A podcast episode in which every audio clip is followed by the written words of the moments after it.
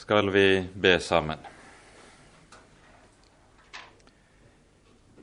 Kjære gode Herre, du hellige Gud, du trofaste Far.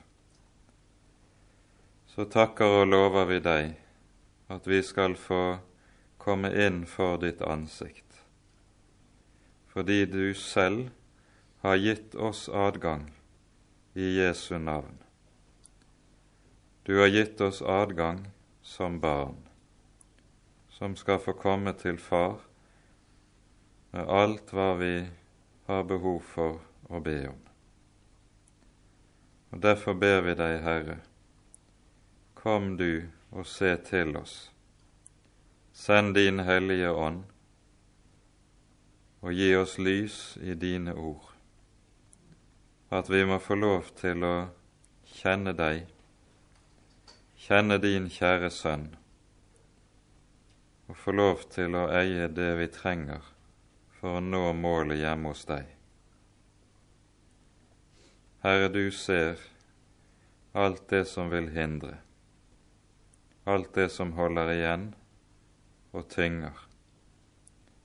Ta deg, Herre, av den sak, at vi må få lov til, Herre, å være hos deg med alt vårt.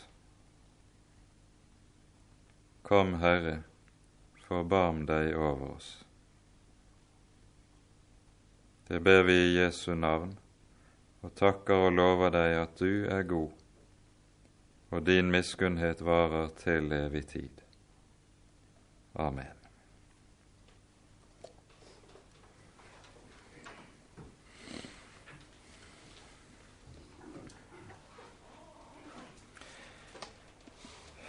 Vi leser da fra vers 13 av og ut kapittelet her i det tredje kapittel.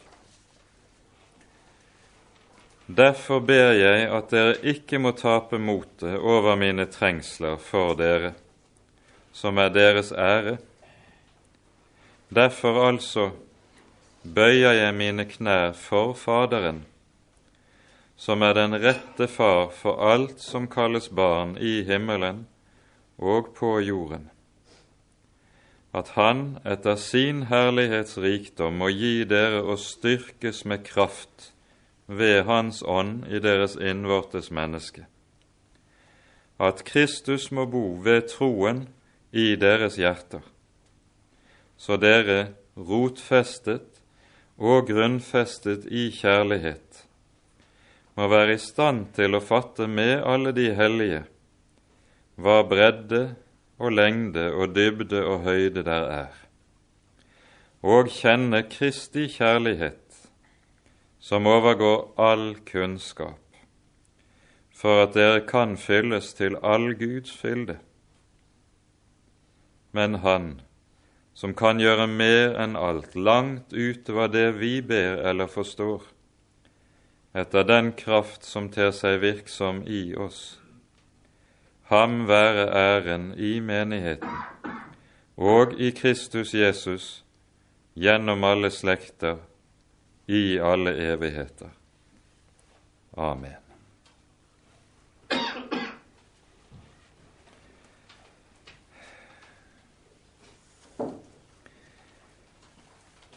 Avsnittet vi her har lest, det begynner med to 'derfor'. Både finner vi 'derfor' i vers 13 og et 'derfor' i vers 14. Det første 'derfor' når Paulus sier hva han nå ber om, når han sier 'derfor ber jeg at dere ikke må tape motet over mine trengsler' så er det et derfor som knytter til og viser til den store gjerning som apostelen er kalt og utkåret til av Herren selv. Det er fordi han har fått en slik gjerning at menigheten ikke på noe vis skal behøve å bekymre seg over apostelen, selv om han sitter nå i trengsel og i fangenskap. Det som apostelen her er inne på, at en ikke skal tape motet over hans trengsler, det er en grunnsannhet som han er inne på i flere sammenhenger i Det nye testamentet. Vi hører det nevnes også av Herren Jesus i bergpreken hva trengslene betyr, men la oss først se litt av hva Paulus skriver i 2. Timotius brev i det første kapittel.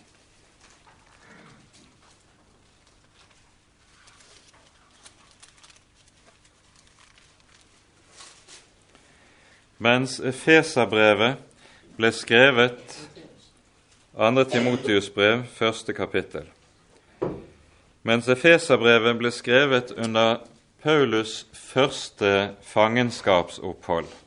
Da var det jo slik at han satt to år i Cesarea, og deretter i hvert fall to år i Roma etter denne lange sjøreisen. Alt dette hører vi om i apostlenes gjerninger. Og det er her, mens han sitter i Roma, han skriver Efeserbrevet. Så er det slik at det andre Timotius-brev, det er rimeligvis skrevet under hans annet fengselsopphold. Nemlig etter det første fangenskapet ble han høyst sannsynlig frigitt, og han reiste videre, bl.a. på en misjonsreise til Spania, som vi hører i Romerbrevet han hadde planer om. Og så fengsles han annen gang av keiser Nero i forbindelse med at Roma brant i år 64. Og det er da han jo også lider martyrdøden. Og annet Timotius brev det er skrevet under Paulus annet fengselsopphold, mens han ser sin dødsdom i møte. Og her i kapittel 1 skriver han om samme saken. Vi leser først fra vers 7. Fra vers 6, unnskyld. Derfor minner jeg deg om at du igjen opptenner den Guds nådegave som er i deg ved min håndspåleggelse. For Gud ga oss ikke motløshetsånd, men krafts- og kjærlighets- og sindighetsånd. Skam deg derfor ikke ved vår Herres vitnesbyrd eller ved meg, hans fange. Men lid ondt med meg for evangeliet i Guds kraft.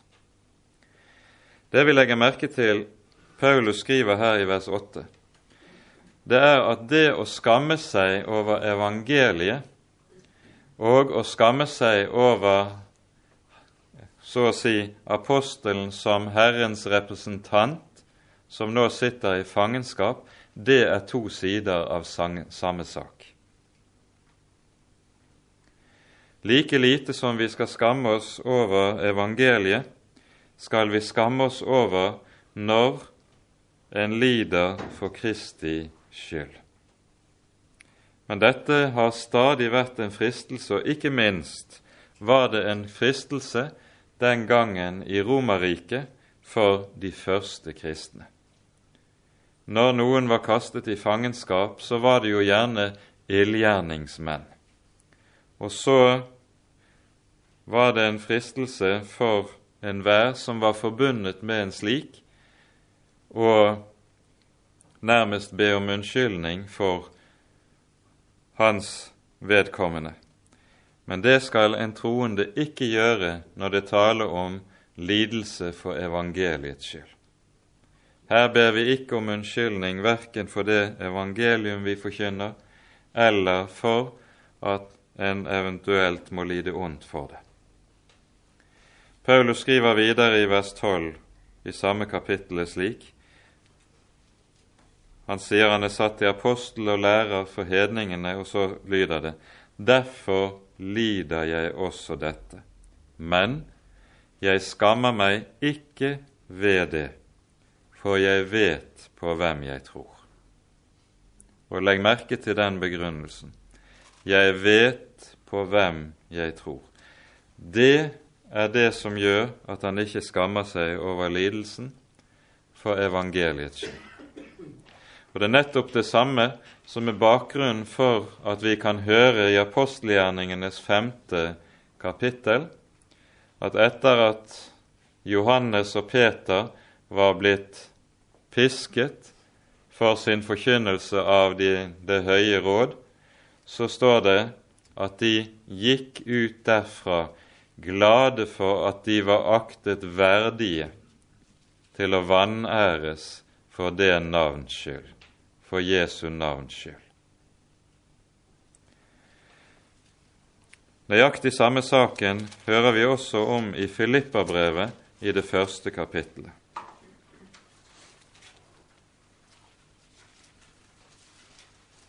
Først sier Paulus fra vers 12 av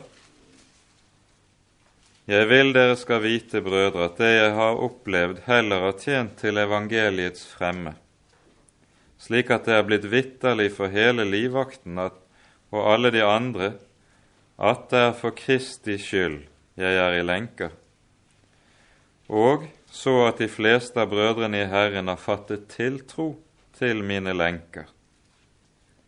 Derved og derved enn mer har fått mot til å tale ordet uten frykt. Det som var lett for å tenke rent menneskelig, var jo at det å kastes i fengsel for en Paulus, det ville bety en veldig hindring for evangeliets forkynnelse og evangeliets fremgang. Men så er det altså det motsatte som er til, tilfellet. Nettopp når motstanderen søker å binde og hindre evangeliets forkynnelse, da slår det ut stikk motsatt vei. Og så blir det sånn som Kirkefaderen Tertulian sier det noe senere, at det er martyrenes blod som blir Kirkens sæd. Det har alltid vært sånn i Kirkens historie at der den kristne menighet og den kristne forkynnelse blir forfulgt, der vokser menigheten. Der styrkes troen. Men der den kristne menighet opplever medgang og gode dager, der går troen tilbake, og der vokser frafallet. Dette er helt gjennomgående gjennom hele Kirkens historie. Når Paulus skriver slik om sin, e, sitt eget fangenskap, så skriver han med det også om korset sin rolle og betydning i troens liv.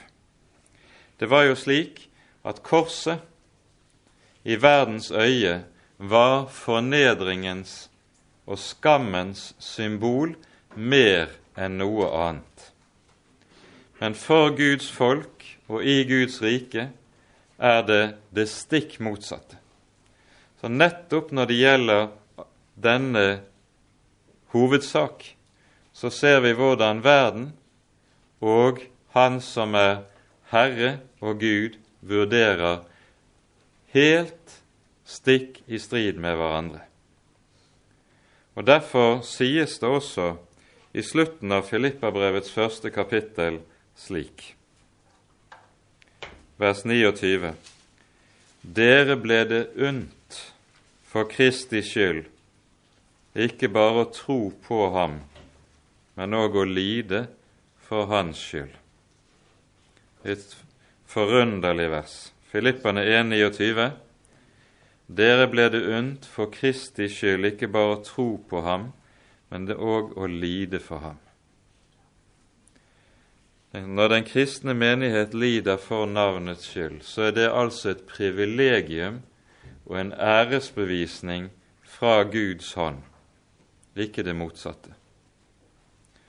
Derfor er det også sånn at vi hører det fortelles om grev Sinsendorf, som var den åndelige far og leder til brødremenigheten i Tyskland på 1700-tallet.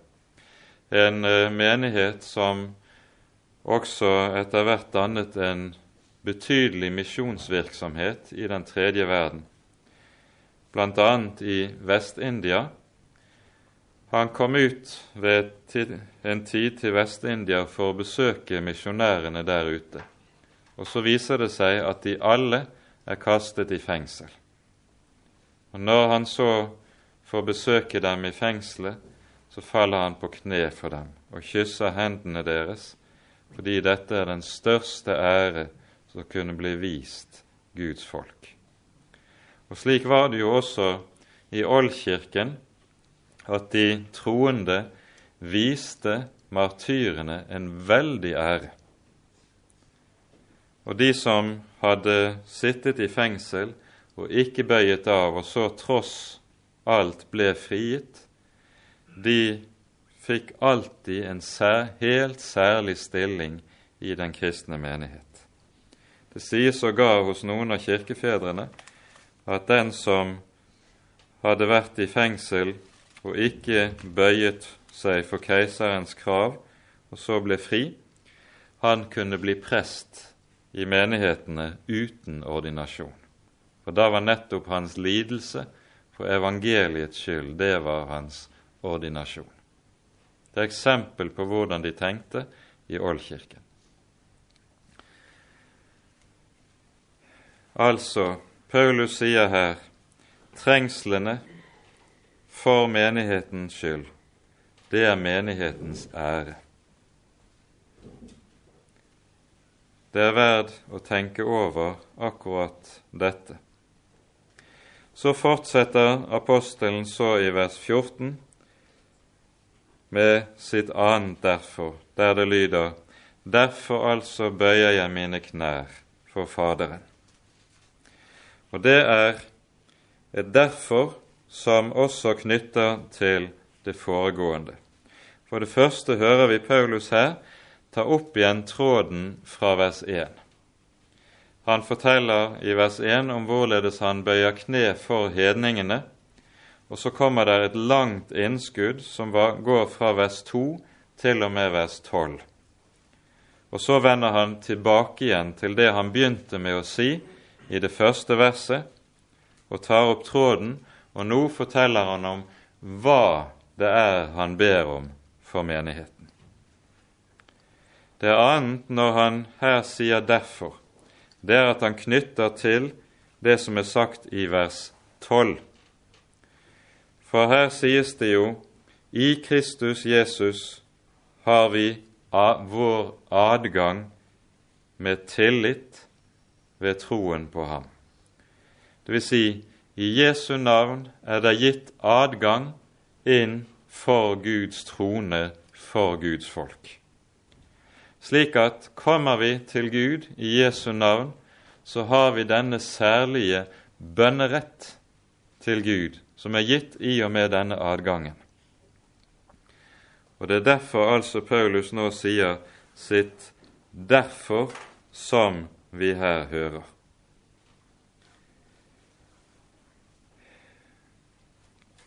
Vi skal også legge merke til dette som sies her om å bøye kne. I dette ligger det ikke bare eh, en påminning om det som var en vanlig bønnestilling blant de kristne. Men det å bøye kne i bønn, det er noe som sier noe langt mer enn bare det rent faktiske hva man gjør.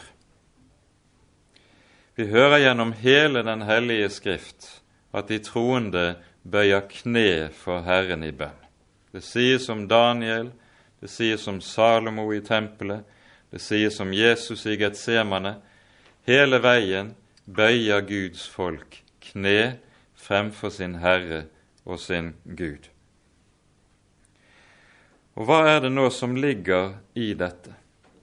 Vi ser litt av det i denne bemerkningen som vi hører i første kongebok, i eh, det 19. kapittel, når profeten Elias er på Sinai, og så sier Herren til Elias at det ennå er 7000 som ikke har bøyet kne for Bal. Det å bøye kne for, det betyr at da anerkjenner man den en bøyer kne for, som sin rette herre. Og en sier noe bestemt om seg selv 'Jeg er hans lille tjener'. Det å bøye kne, det er altså, om vi, så si, om vi kan si det på den måten, det er et troens kroppsspråk, der jeg altså sier noe helt grunnleggende både om hvem det er jeg tror på, og hvem jeg er som kommer til ham. Derfor var det også slik at i de gamle kirker så var det veldig ofte på det vis at en hadde bønneskamler i kirkene. Så en bøyde kne når en ba. Det er det slutt på hos oss. Vi sitter behagelig tilbakelent, og det er kanskje tidens tegn også i det. Samme var jo også i bedehuset etter gammelt, når en skulle komme sammen i de små forsamlinger for å be, da bøyde den alltid kne. Det er det så godt som slutt med overalt også rundt omkring i bedehusets sammenhenger. Hvorfor er det det? Ja, vi kan sannelig spørre.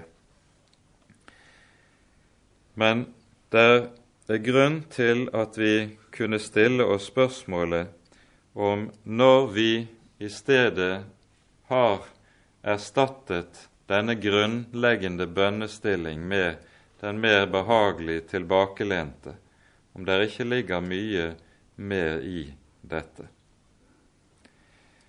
Vi er kommet i en stilling i kristenlivet iblant oss der nettopp det behagelige, det enkle og det lettvinte får større og større plass.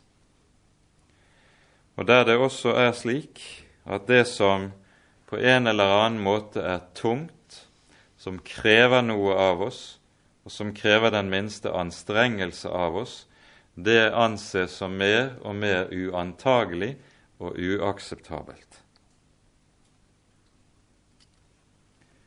Jeg har trang til å minne her om noe som lyder gjennom profeten Jeremia i det 23.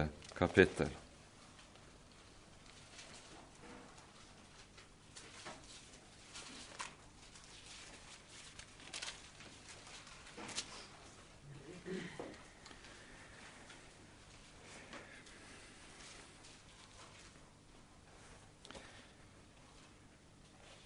Vi leser fra vers 33. Når dette folk eller en profet eller prest spør deg, hva er Herrens byrde? Da skal du si dem hva byrden er. Dere er byrden. Og jeg vil kaste dere bort, sier Herren. Og den profet og prest og den av folket som sier Herrens byrde, den mann og hans hus vil jeg hjemsøke. Således skal dere si hver til sin neste og hver til sin bror. Hva har Herren svart? Hva har Herren talt? Men Herrens byrde skal dere ikke nevne mer, for hver manns ord skal være hans egen byrde. Det som er poenget i dette avsnittet, er at det, vi her har et ordspill.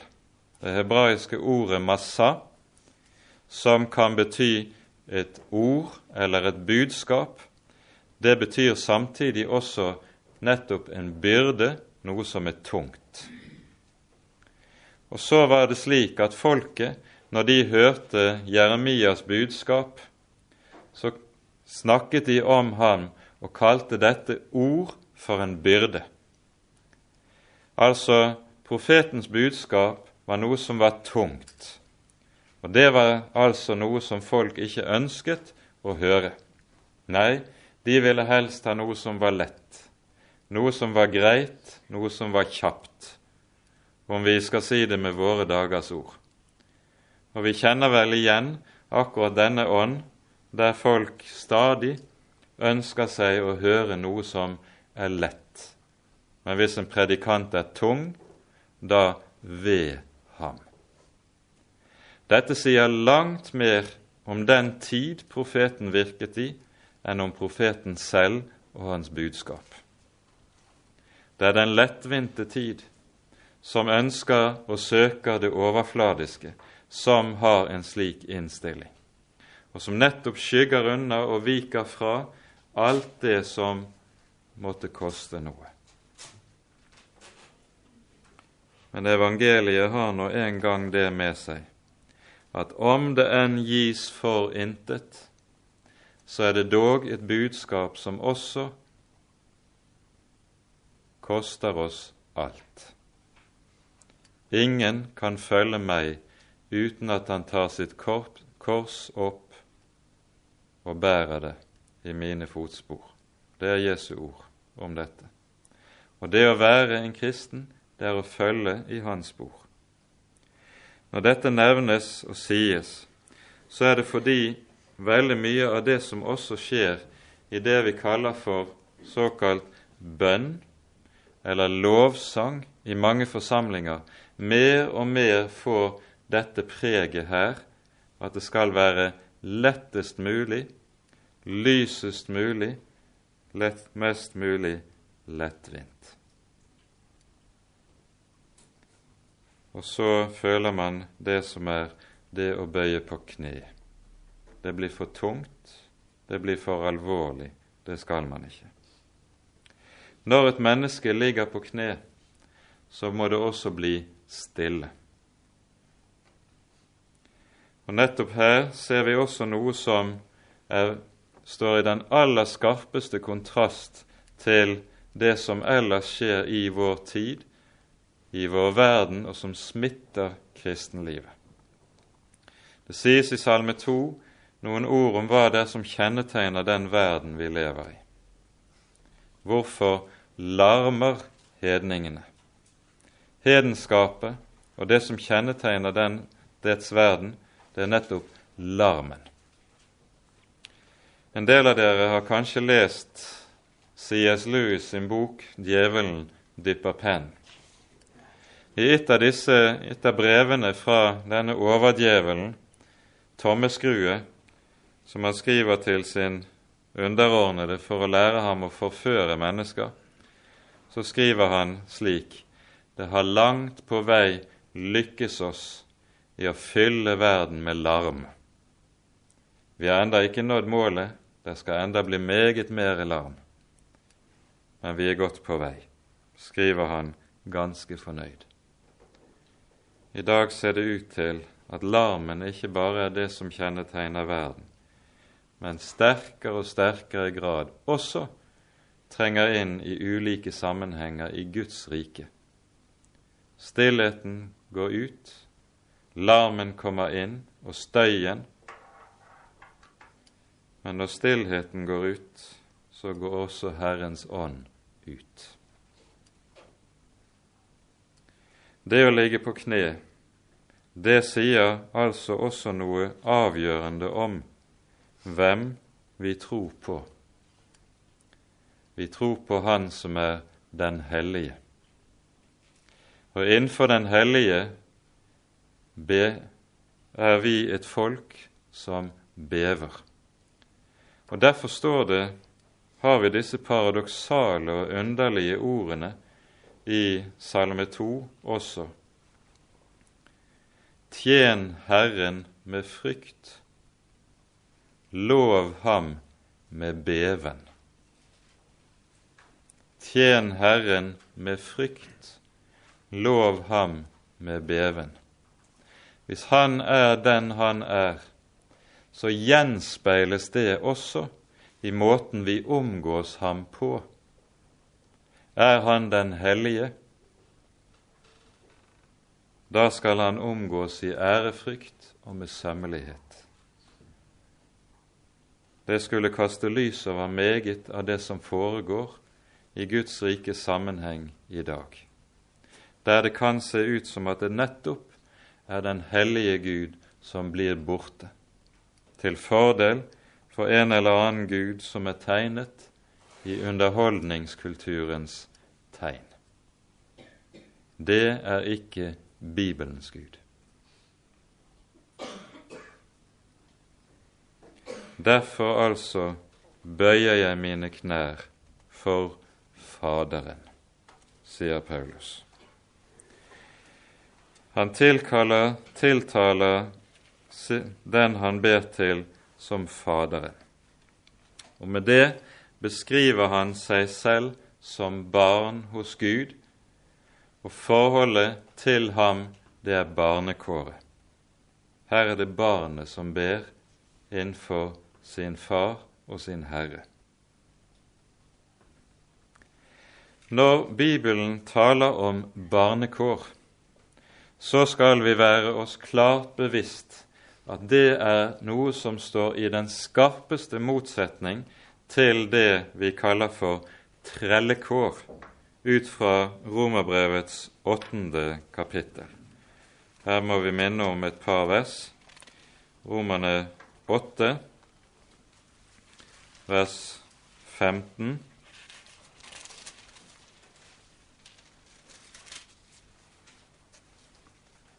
Ja, vi kan lese vers 14 og 15 også.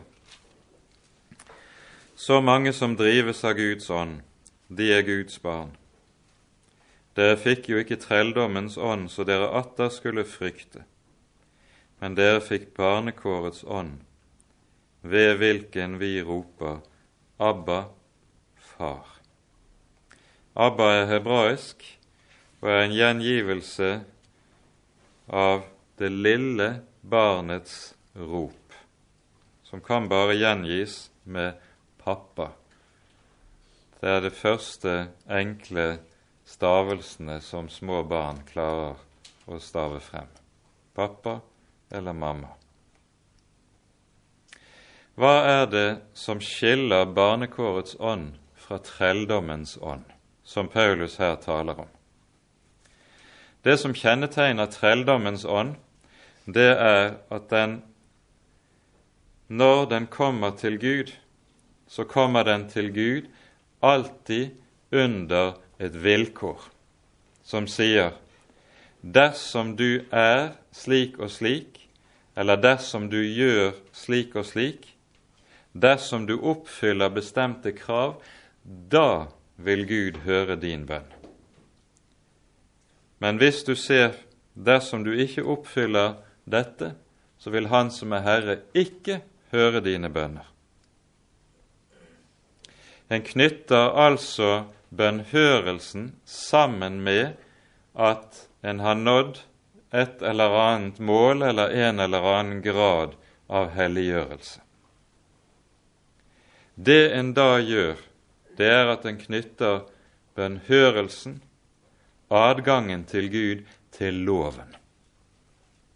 Og da må jeg frykte, for da vil jeg gang på gang, hvis jeg er sannferdig når jeg kommer inn for Gud, måtte innrømme jeg er ikke slik at Han som er Gud, kan svare meg når jeg ber.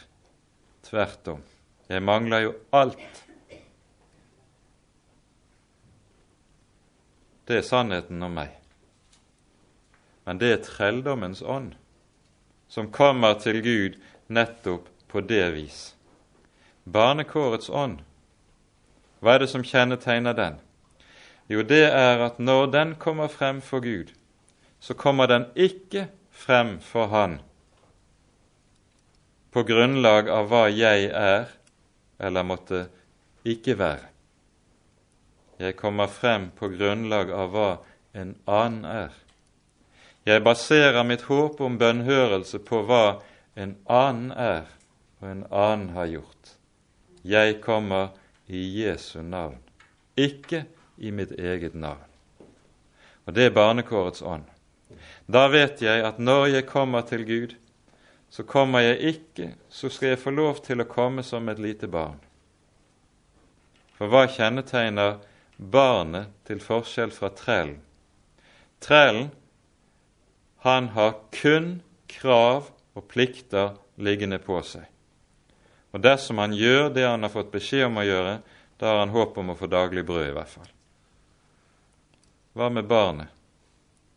Når det gjelder det lille barnet, så ligger alle forpliktelser på foreldrene.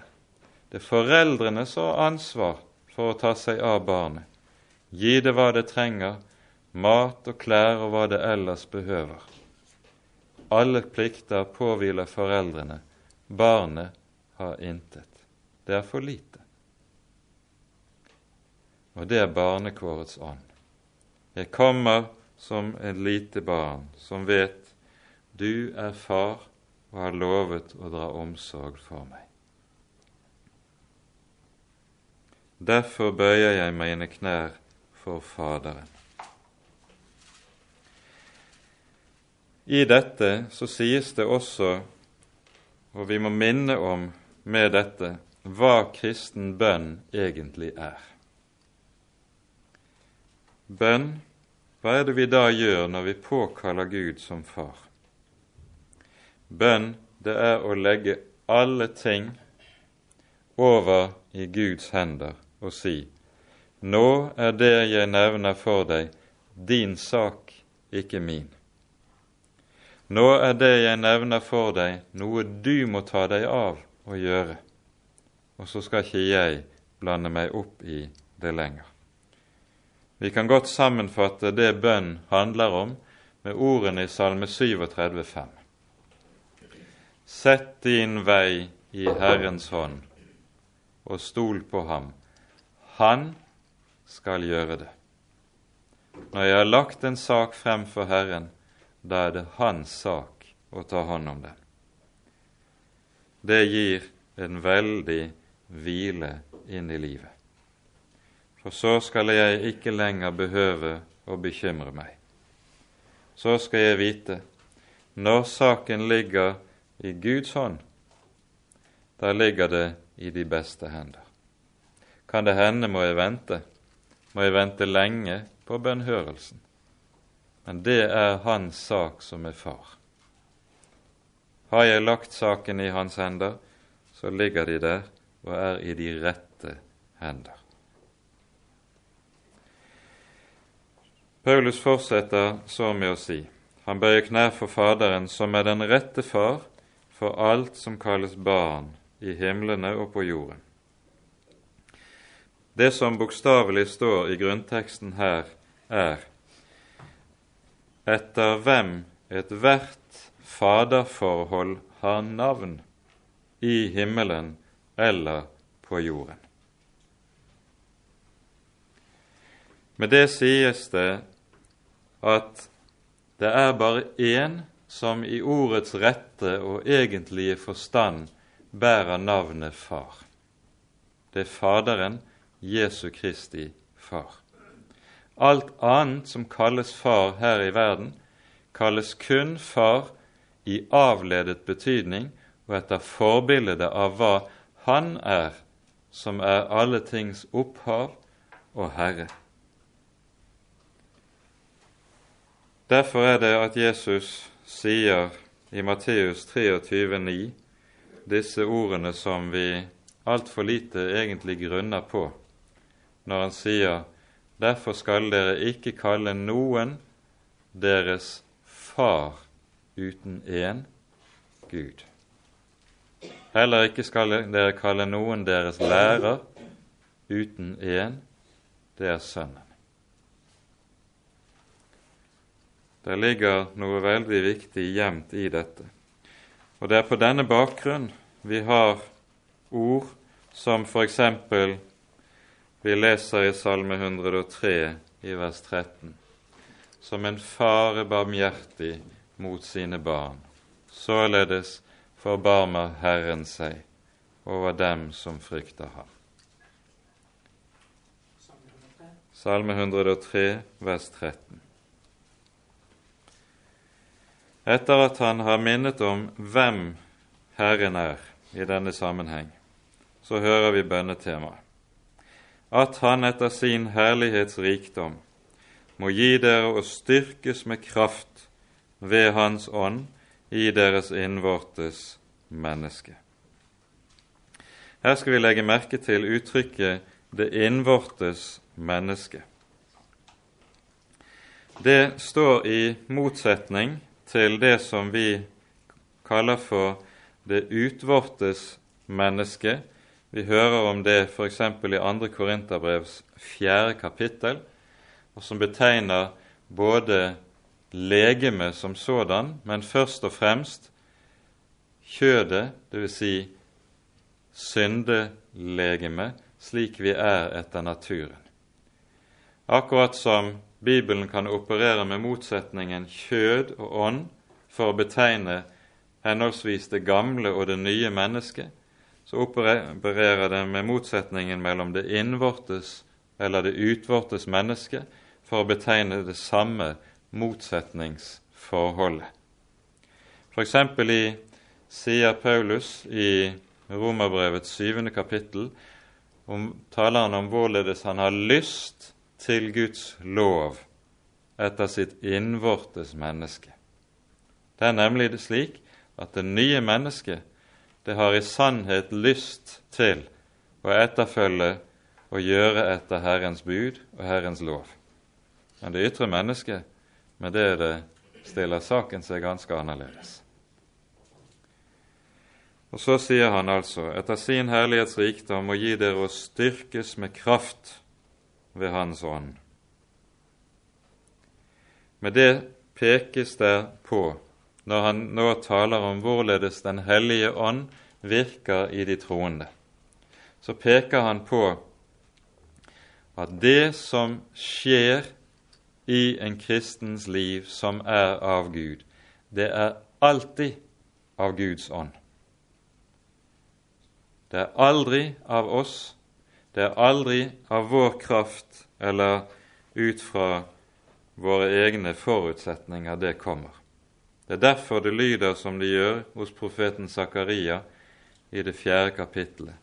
Ikke ved makt og ikke ved kraft, sier Herren, men ved min ånd. Og det gjelder alle ting i Guds rike sammenheng. Alle ting overhodet, enten det dreier seg om arbeidet i Guds rike og i menigheten som fellesskap, eller det gjelder i den enkeltes personlige liv. Ikke ved kraft og ikke ved makt, men ved min ånd, sier Herren. For da er det noe som skjer ved ham og ikke ved oss. Dette betyr også at det som er den egentlige hemmelighet i det kristne liv og den kristne helliggjørelsen, det er ikke en god karakter eller stor grad av viljestyrke, men det er det at Guds hellige ånd får lov til å gjøre sin gjerning mellom oss. Og hvordan gjør Den hellige ånd sin gjerning? Hvordan er det dette kommer til å skje? Det skjer på ett vis. Ånden kommer, Ånden virker i og ved evangeliet. Og bare ved evangeliet. Ånden virker ikke ved loven. Ånden virker ikke gjennom dens krav. Ånden virker alltid gjennom å tale om å forkynne evangeliet om Herren Jesus. Og så ser vi hva som er målet for at Den hellige ånd skal komme. At Kristus må bo ved troen i deres hjerter. Merk det. Når Den hellige ånd arbeider, har han alltid ett mål, og det er Kristi ære å fremme Jesu nærvær og fremme Jesus stilling i våre liv. At Kristus må bo i våre hjerter. Det er det som er Åndens gjerning og mål. Og så hører vi det sies han skal bo ved troen i våre hjerter. Og det understrekes når det står sånn på denne måten, så understreker det at det står i motsetning til at Jesus er en som vi kan se, ta og føle på. Vi vandrer i tro, ikke i beskuelse. Når Kristus bor i oss, er det ikke slik at vi kan rette blikket innover i oss selv, og så finner vi ham og kan ta og føle på ham. Nei, retter du blikket inn i ditt eget hjerte og prøver å finne Herren der, så finner du han aldri. Jesus finner vi ikke når vi betrakter oss selv. Gjennom å grave i vårt eget sinn kommer vi aldri til å oppleve ham. Han bor der ved troen, og i denne sammenheng gjelder det i sannhet at vi vandrer i tro og ikke i beskuelse. Det som vi da skal legge merke til nå, det er at her er det en meget avgjørende sammenheng mellom to forhold i det kristne liv. Vi taler jo og skiller jo gjerne om Kristus, mellom Kristus for oss og Kristus i oss. Taler vi om hva Kristus gjør for oss, så taler vi om hans gjerning på korset, som virker rettferdiggjørelsen, og som kommer til oss i evangeliet. Det er Kristus for oss, en gjerning som skjer utenfor oss, uavhengig av oss, og der vi ikke er innblandet på noe vis. Når vi taler om Kristus i oss, da taler vi om helliggjørelsen. Om hva Herren Jesus ved sin Hellige Ånd virker i oss til å hellige oss og gjøre våre liv, føre våre liv etter Guds behag. Og da er saken den at Kristus i oss er virksom utelukkende i samme utstrekning som Kristus for oss er den som har avgjørende betydning. Det er den avgjørende sammenhengen mellom disse to ting. Og Derfor kan vi ikke sette et skille mellom helliggjørelsen og rettferdiggjørelsen, slik som det av og til gjøres. Helliggjørelsen i kristelig forstand er avhengig av rettferdiggjørelsen. Men sann og rett helliggjørelse henger sammen med et sant og rett forkynt evangelium om rettferdiggjørelsen. Dette er viktig å være klar over. Og Derfor er det også slik at der hvor man får en helliggjørelsesforkynnelse som leder mennesker inn i trelldom eller i strev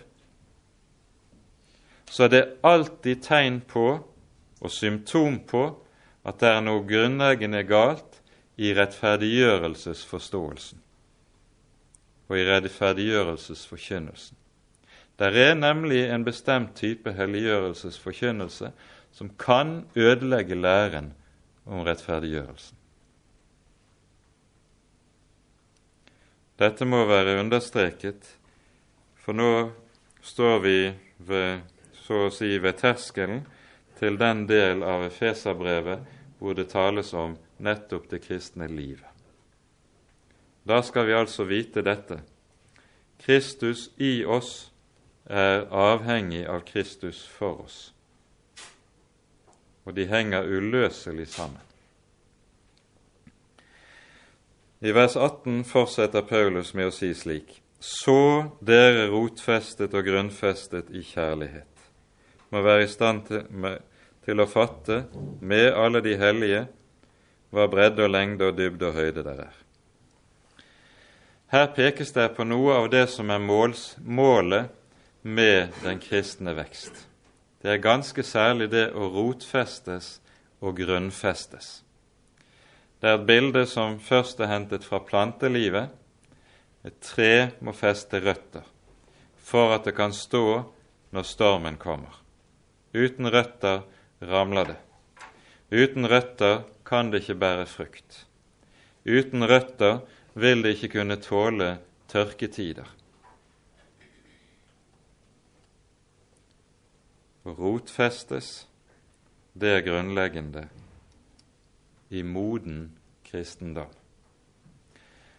Og vi husker Jesu lignelse i Matteusevangeliet, det 13. kapittel, der vi hører om de fire forskjellige slags sædejord, der er det slik at det ene av de tre som visnet og ikke bar frukt, det var nettopp de som var på fjellgrunn og ikke hadde rot. Derfor tørket det, og det ble ikke frukt. Det skjøt fort opp, men det som skjøt opp, bar ikke. Derfor er røttene alltid det som er forutsetningen for frukten i det kristne liv. Derfor sies det hos profeten Jesaja flere ganger i eh, disse ordene Israel skal skyte dypere rot nedentil og bære frukt oventil. For det å bære frukt, det er alltid betinget av røttene. Derfor skal det også være slik i kristen forkynnelse, hvis det skal tales rett om det å bære frukt i det kristne liv, så må det tales rett om røttene. Videre lyder det også hos Jesaja i det 26. kapittel, som står i samme tekstavsnitt der dette lyder, så står det slik Den som har et grunnfestet sinn, ham lar du alltid ha fred. Jesaja 26, vers 3. Den som har et grunnfestet sinn, ham lar du alltid ha fred. Det er et veldig løfte, det. Det gir det å grunnfestes i troen ved evangeliet. Det gir dette som det her tales om. Vi rekker ikke å fordype oss i alt her, men vi merker oss at alt dette som her sies, når vi rotfestes og grunnfestes i kjærligheten, så tenkes det her på kjærligheten som er mellom de troende i Guds folk. Det som binder Guds folk sammen i troen og i kjærligheten. Men nå sies det altså det merkverdige. Rotfestet og grunnfestet i kjærligheten må dere være i stand til sammen med de, de hellige å fatte. I Matteusevangeliets 16. kapittel så sier Jesus til Peter Du har ikke sans for det som hører Gud til, men bare for det som hører mennesker til. Og I 1. Korinterbrev 2. kapittel så sier Paulus slik Et naturlig menneske kan ikke fatte det som hører Ånden til. Det naturlige mennesket kan ikke det. Men det som kjennetegner et gjenfødt menneske når det nye sinn er født, det er at da har det fått også sans til å se det som andre ikke ser. Uten at noen blir født på ny, kan han ikke se Guds rike, sier Jesus. Men med den nye fødsel så følger det også at det nye sinn kan se, og dermed også verdsette, glede seg over og takke for evangeliet. Men det som nå sies her, det står at dere må være i stand til å fatte med alle de hellige. Og Dette er et veldig spesielt uttrykk, for det peker på noe ganske bestemt. Det ser ut til at det er sannheter i Guds ord som er slik at de blir større bare når de blir delt. Og det er nettopp når man får delt sannheten seg imellom, at sannheten i særlig grad blir stor for oss. Alene så, så, vi det ikke slik, men når vi var sammen, fikk tale sammen som de to på vei ut av Emmaus, eller på vei mot Emmaus, eller som det kan skje i menighetens forsamling. Når vi er sammen, da kan Gud åpne opp på en helt annen måte enn når vi var alene. Så vi ser høyden og dybden, lengden og bredden. Slik har Herren gjort det for at vi skal være oss bevisst at vi er avhengige av de hellige samfunn. En kristen er ikke en kristen alene. Vi er som kristne slike som hører sammen og er avhengig av hverandre i troen. Vi rekker ikke mer, men slutter av med lovprisningen i vers 20 og vers 21. Han som kan gjøre mer enn alt, langt utover det vi ber eller forstår, etter den kraft som ter seg virksom i oss. Ham være æren i menigheten og i Kristus Jesus gjennom lange tider. Her bruker Paulus et uttrykk som, han, som du ikke finner i naturlig gresk språk.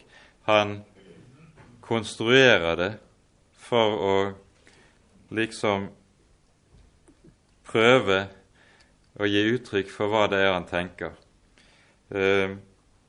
Det er et sterkt ord når det står 'mer enn alt langt utover'. Så står det egentlig i grunnteksten 'super, super'. Eh, det er superlativ i dobbelt forstand for den som eh, er språkmektig.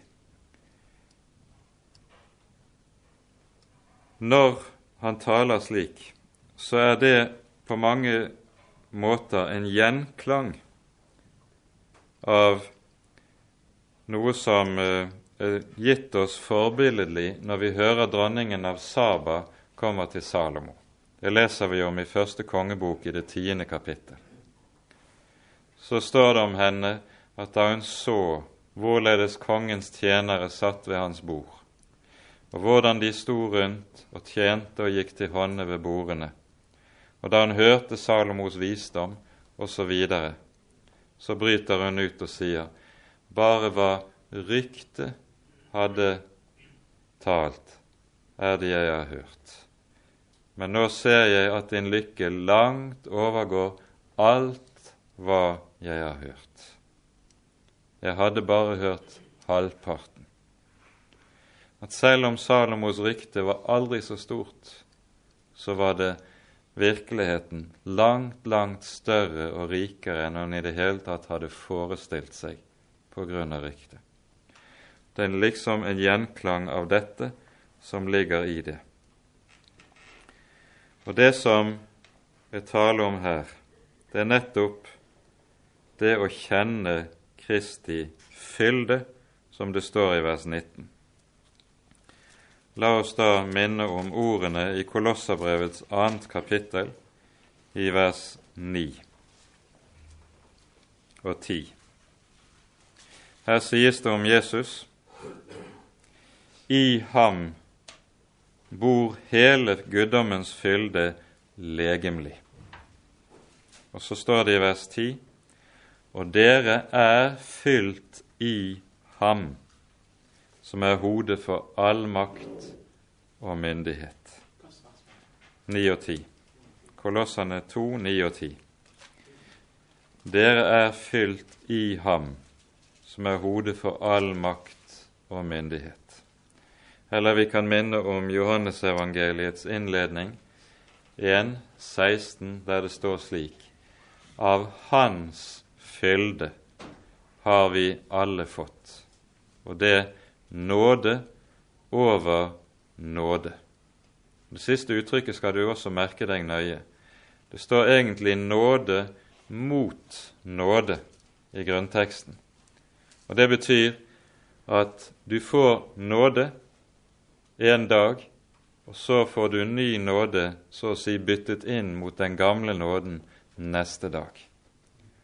Og så bevirker denne stadig nye nåde som Han som er Herre, gir sine små, at vi får del i Hans fylde. Han som kan gjøre mer enn alt, langt utover det vi ber eller forstår, etter den kraft som ter seg virksom i oss, ham være æren, i menigheten og i Kristus Jesus, gjennom alle slekter og i alle evigheter. Amen. Ikke oss, Herre, ikke oss, men ditt navn gir du ære for din miskunnhets og for din trofasthets skyld. Amen.